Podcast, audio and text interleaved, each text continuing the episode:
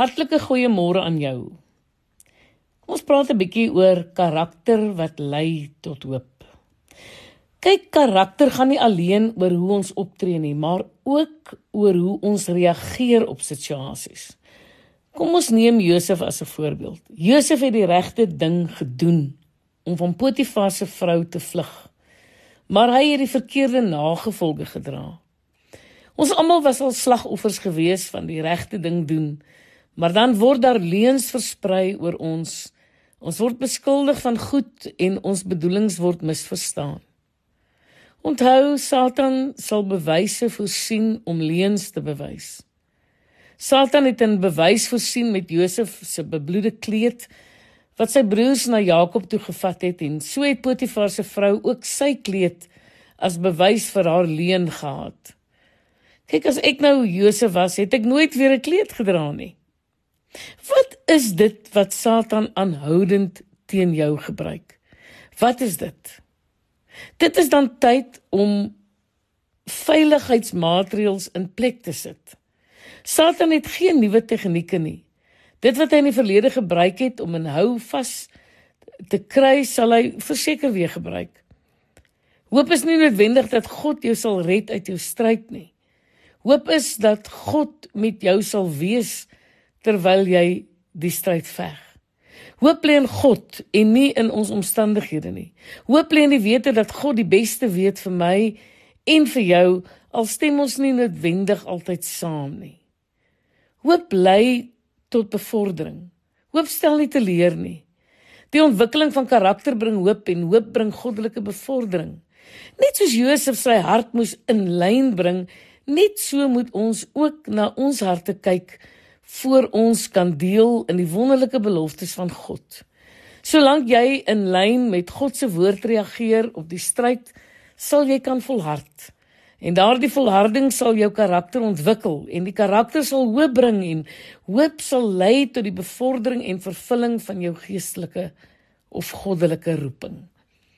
Wat egter belangrik is, is nie wat met ons gebeur nie, maar hoe ons dit wat met ons gebeur hanteer.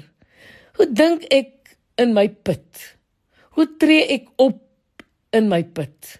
Hoe beleef ander mense my in my put? Hoe effektief is ek lig en sout terwyl ek op die bodem van my donker put sit? Waar en hoe word die Here deur my omstandighede verheerlik? Ag nee, net jy is mos nou half belaglik. Ja.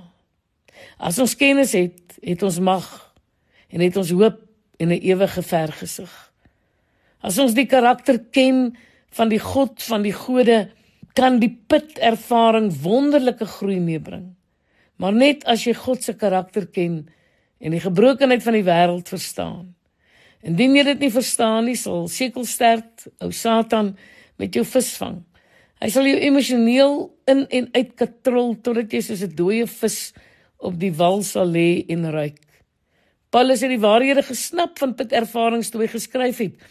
In Filippense 1:12, ek wil hê julle moet weet broers, dat wat my oorgekom het, juis die verkondiging van die evangelie bevorder het. Dit het daarop uitgeloop dat die hele keiserlike wag en al die ander nou besef dat dit ter wille van Christus is dat ek in gevangene is. Deur my boeye het die meeste broers ook in hulle vertroue op die Here gesterk en hulle waag dit al hoe meer om die woord van God onbevrees te verkondig. En ek glo met my hele hart dat jy ook deur jou put ervarings verander hoop kan gee kon gee en nog steeds sal gee.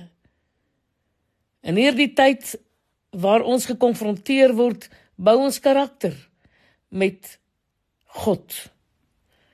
Wanneer ons in verhouding met Christus staan.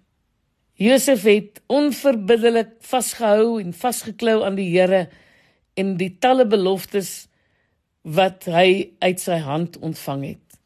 En Filippense 4:12 sê: Ek weet wat armoede is en ek weet wat oorvloed is. Van alles het ek 'n ondervinding om genoeg te hê om te eet sowel as om honger te ly, om oorvloed te hê sowel as om gebrek te ly. Ek is tot alles in staat deur Christus wat my krag gee. Laat dit vir jou so wees. Ek is Lenet Beer vir Radio Kansel.